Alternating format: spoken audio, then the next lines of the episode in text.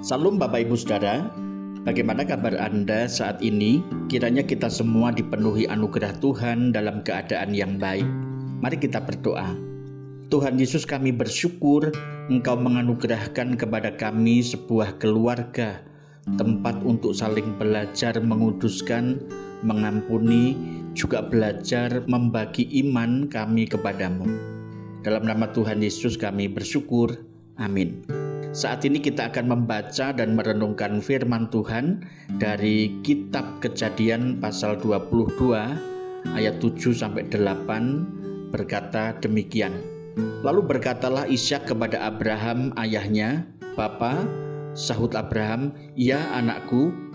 Bertanyalah dia, "Di sini sudah ada api dan kayu, tetapi di manakah anak domba untuk korban bakaran itu?" Sahut Abraham, Allah yang akan menyediakan anak domba untuk korban bakaran baginya anakku. Demikianlah keduanya berjalan bersama-sama. Warisan iman.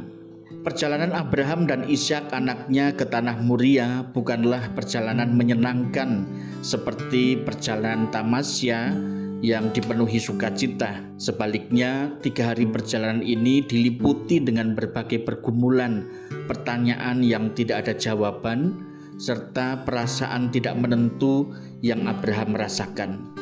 Memang secara detail Alkitab tidak menjelaskan secara rinci, namun dikatakan di ayat 1 dan 2 kita tahu bahwa Allah memerintahkan kepada Abraham untuk mempersembahkan Ishak anak tunggalnya sebagai korban bakaran serta Abraham taat terhadap perintah Allah tersebut.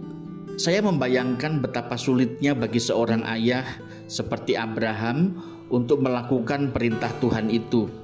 Ia sudah menunggu kurang lebih 25 tahun untuk mendapatkan seorang anak dan di masa tuanya yang sudah lanjut hal itu baru terwujud. Setelah Ishak kira-kira berusia 20-an tahun, Tuhan Allah menginginkan supaya Abraham mempersembahkan Ishak anaknya itu sebagai korban bakaran. Menarik di sini bahwa Abraham sama sekali tidak mempertanyakan atau mengajukan permohonan kepada Allah. Ia mendengarkan firman Allah lalu melakukannya. Situasi menjadi sangat dramatis ketika ayat 7 dan 8 ini kita baca. Di sana Ishak bertanya kepada ayahnya, "Bapa, di sini sudah ada api dan kayu, tetapi di manakah anak domba untuk korban bakaran itu?" Saud Abraham, Allah yang akan menyediakan anak domba untuk korban bakaran baginya anakku. Betapa mengharukannya peristiwa ini. Abraham ingin mengatakan kepada Ishak bahwa Allah yang Maha Kuasa akan mampu tanda petik mengurus dalam bentuk kata kerja hal itu dengan cara Allah sendiri dalam waktu yang Allah tentukan sendiri. Di dalam hati Abraham Abraham memiliki suatu kepastian bahwa Allah berkuasa dan sanggup mengatur semua hal, segala sesuatu, termasuk hal-hal yang kecil yang perlu disediakan, yaitu seekor anak domba bagi korban persembahan.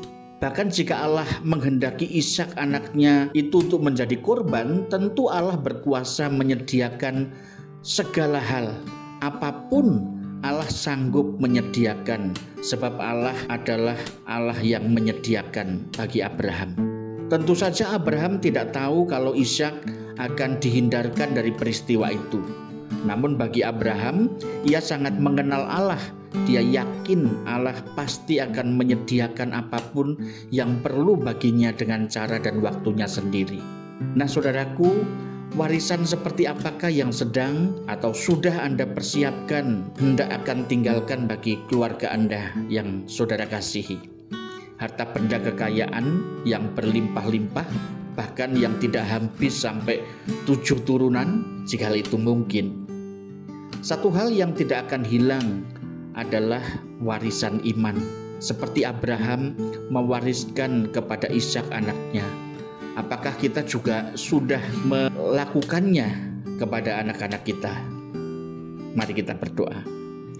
Tuhan tolonglah kami supaya memperhatikan yang tidak akan hilang dan kekal sifatnya selama-lamanya yang kami sediakan bagi keturunan kami, yaitu warisan iman kepadamu, supaya setiap anggota keluarga kami mengalami dan menghidupinya.